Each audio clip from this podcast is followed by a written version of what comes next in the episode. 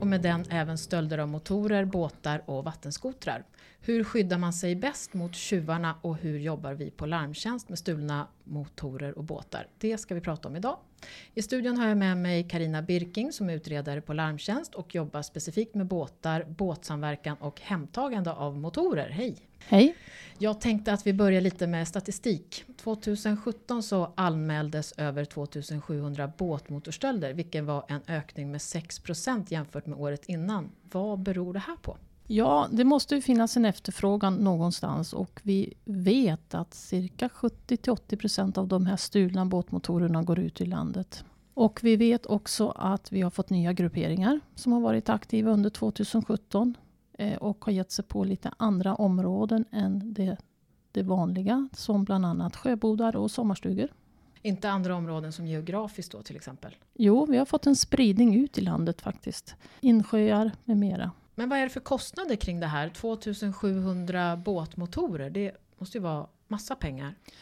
Ja, eh, tidigare år så har vi snittat en båtmotor på ungefär 60 000. Men med tanke de sista två åren här så vill vi nog påstå att va, ett snittvärde på varje stulen båtmotor är ungefär 90 000.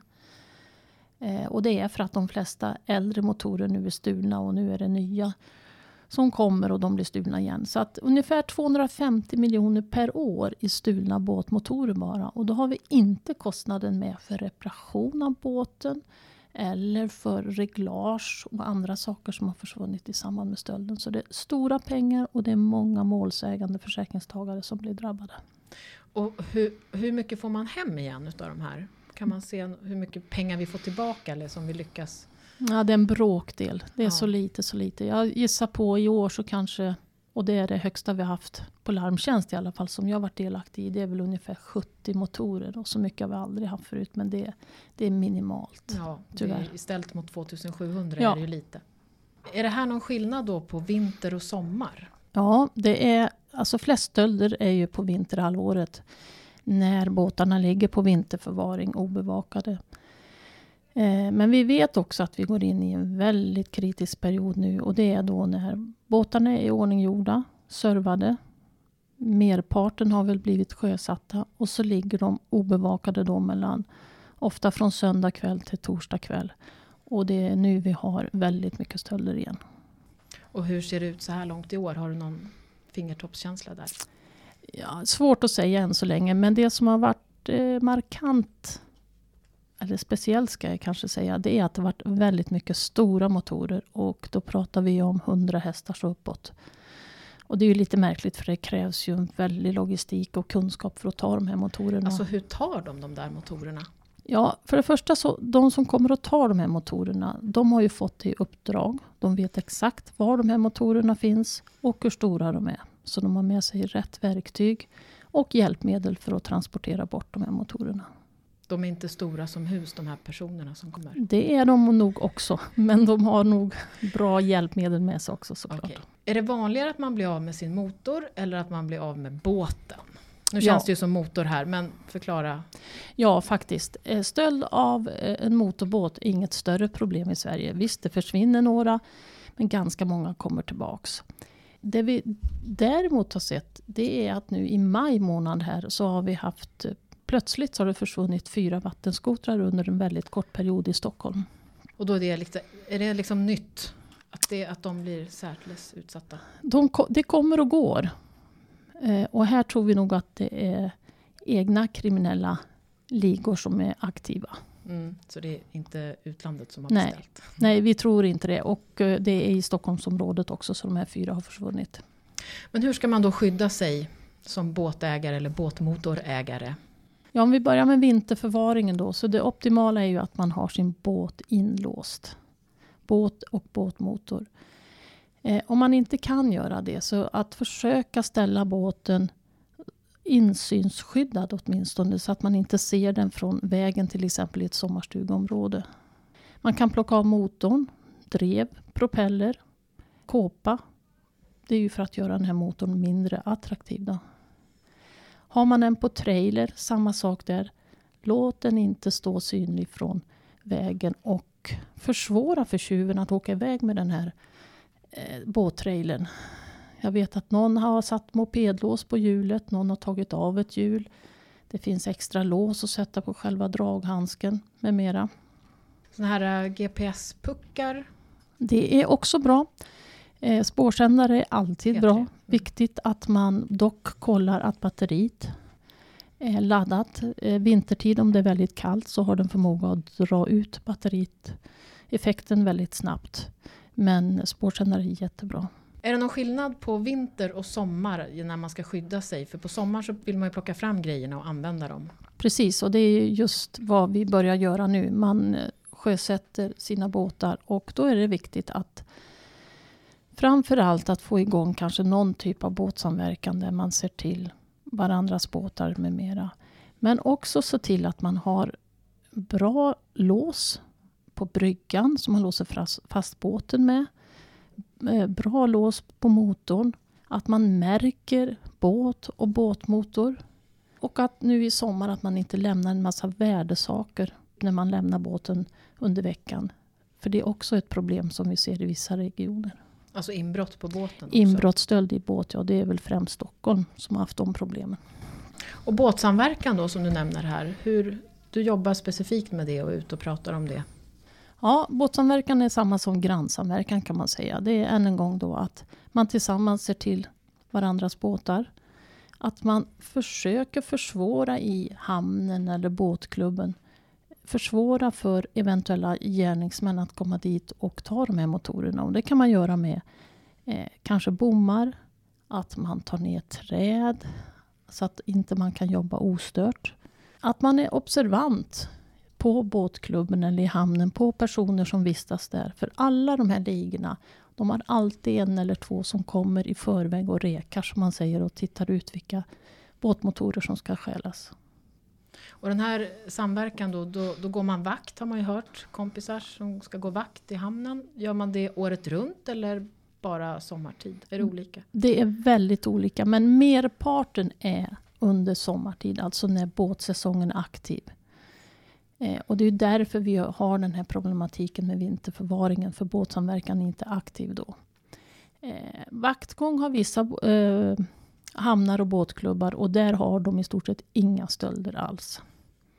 Och det har även gjorts en, en enkät i Västra Götaland på de som har startat båtsamverkan. Och generellt kan man säga att eh, stölderna har i stort sett upphört under båtsäsong. Och man känner en större trygghet och gemenskap idag än man hade innan man startade båtsamverkan. Så det är ett tips till båtklubbarna, starta en samverkan? Ja, av något slag. Och så vill man köpa båt, det är sommar. Köpa begagnat, är det något särskilt som man ska fundera på då? Kan jag larmtjänst hjälpa till där? På något sätt? Ja, man ska börja med att kontrollera båtens skrovnummer, det är själva ID-numret. Och från 1998 så sitter det på alla fritidsbåtar som är ämnade för Europa på akterspegelns högra utsida. Precis nedanför relingslisten och det är 14 tecken som börjar med bokstäver. Sen ska man läsa av motornumret, det är ju dekaler tyvärr. Och när man väl har gjort detta så ska man kontakta polisen och kontrollera om det är stulet och kontakta larmtjänst och kontrollera att det är stulet. Finns några, vad har vi på vår hemsida? Ja, hemsidan har vi bara det som publiceras, utlarmade båtar ja. och det är bara ett urval. Så att man måste kontakta larmtjänst personligen för att få svar. Och finns det några mer resurser? Liksom? Jag vet vi har båtkort, vad är det? Ja, först så tycker jag att man också ska upprätta en köpehandling med den man köper båten utav. Och där ska då de nummer man har läst av på båt och båtmotor framgå.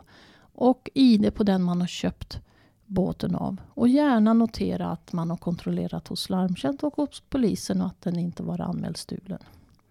Sen så finns det ju då så kallat båtkort. Och det är egentligen där du fyller i uppgifter om din båt. Allt ifrån speciella kännetecken, skrov, motornummer och lite andra dekaler. Det kan vara vad som helst. Och ett foto. Och det förvarar man hemma. Om man nu skulle bli av med båten så vet man exakt vad vilka utrustning eller vilka ID-grejer som finns på båt och båtmotor. För det är det vi använder när vi efterlyser eventuellt stöldgods? På. Ja. Och så har man blivit av med sin båtmotor. Finns det någon chans att man får tillbaka den här? Hur funkar det egentligen?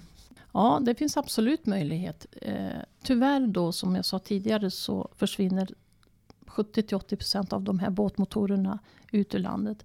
Men eh, vi har sett en ökning på eh, anträffade stulna båtmotorer under 2017 och det är främst i Polen och Litauen.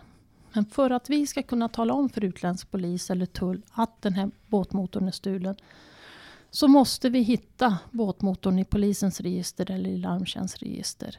Och därför är det så viktigt att man när man gör en polisanmälan att man får med vilket fabrikat, hästkrafter och motornummer och eventuell märkning man har på den här motorn. Finns det, har du några exempel, någon fall eller sådär?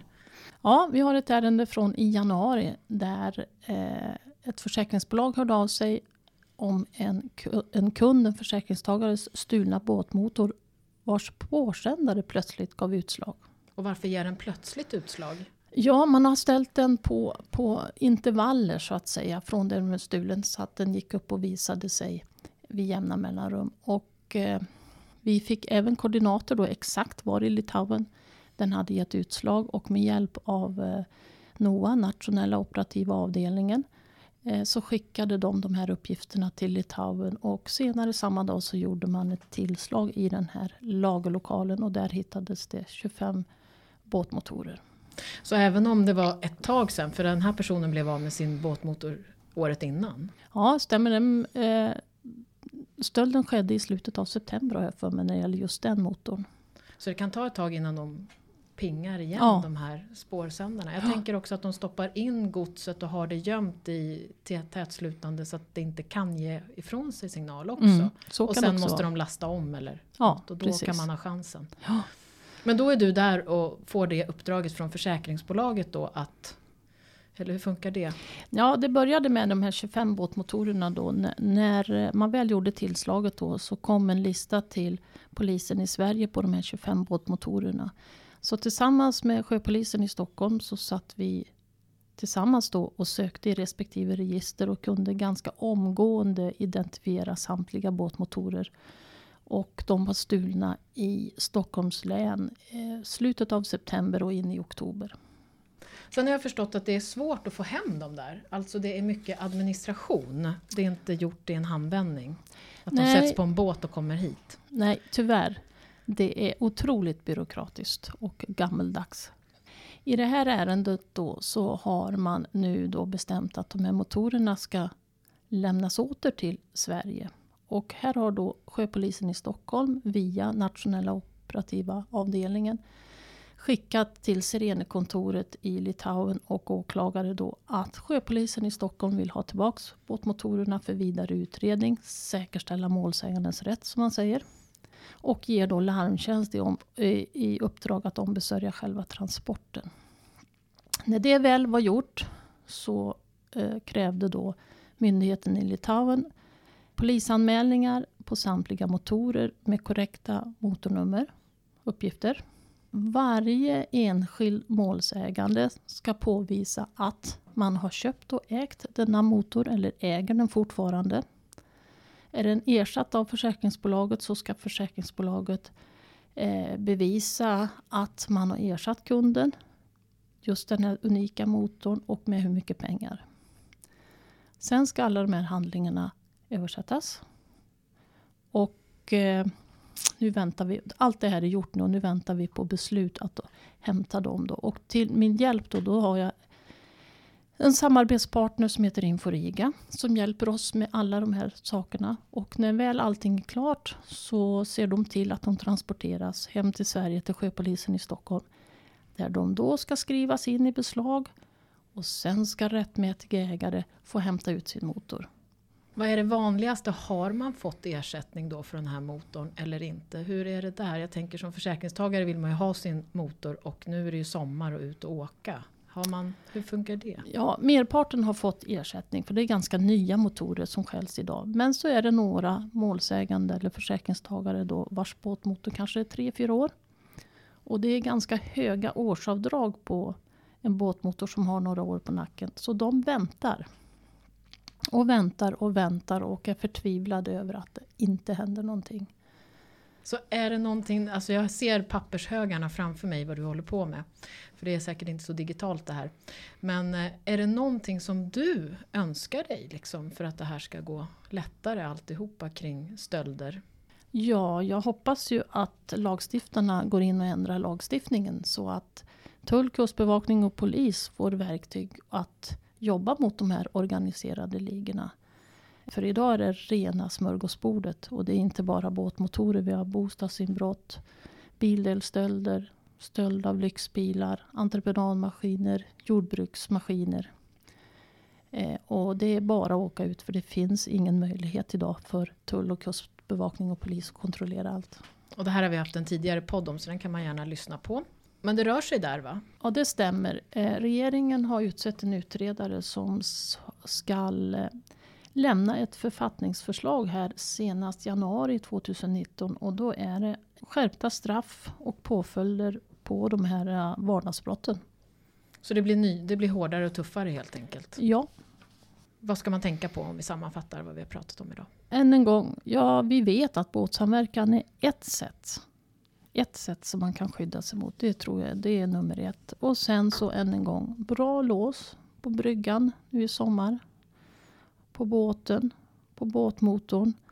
Märk upp båt och båtmotor. Kontrollera så du vet vad det är du äger för någonting. Om du skulle bli av med det. Och sen lämna i värdesaker kvar i båten nu i sommar. Du har lyssnat på Larmtjänstpodden, en podd från Larmtjänst. Det är en branschorganisation för sakförsäkringsbolagen med syfte att bekämpa försäkringsrelaterad brottslighet.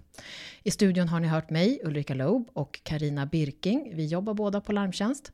Och på vår webb har vi samlat alla tips kring vad du ska tänka på om du ska köpa båt och hur du skyddar dig och hur du fyller i båtkort etc. Kika gärna in på larmtjänst.se för att läsa mer. Prenumerera gärna på podden via iTunes, Acast eller Soundcloud. Och ta det lugnt där ute på sjön. Hej då!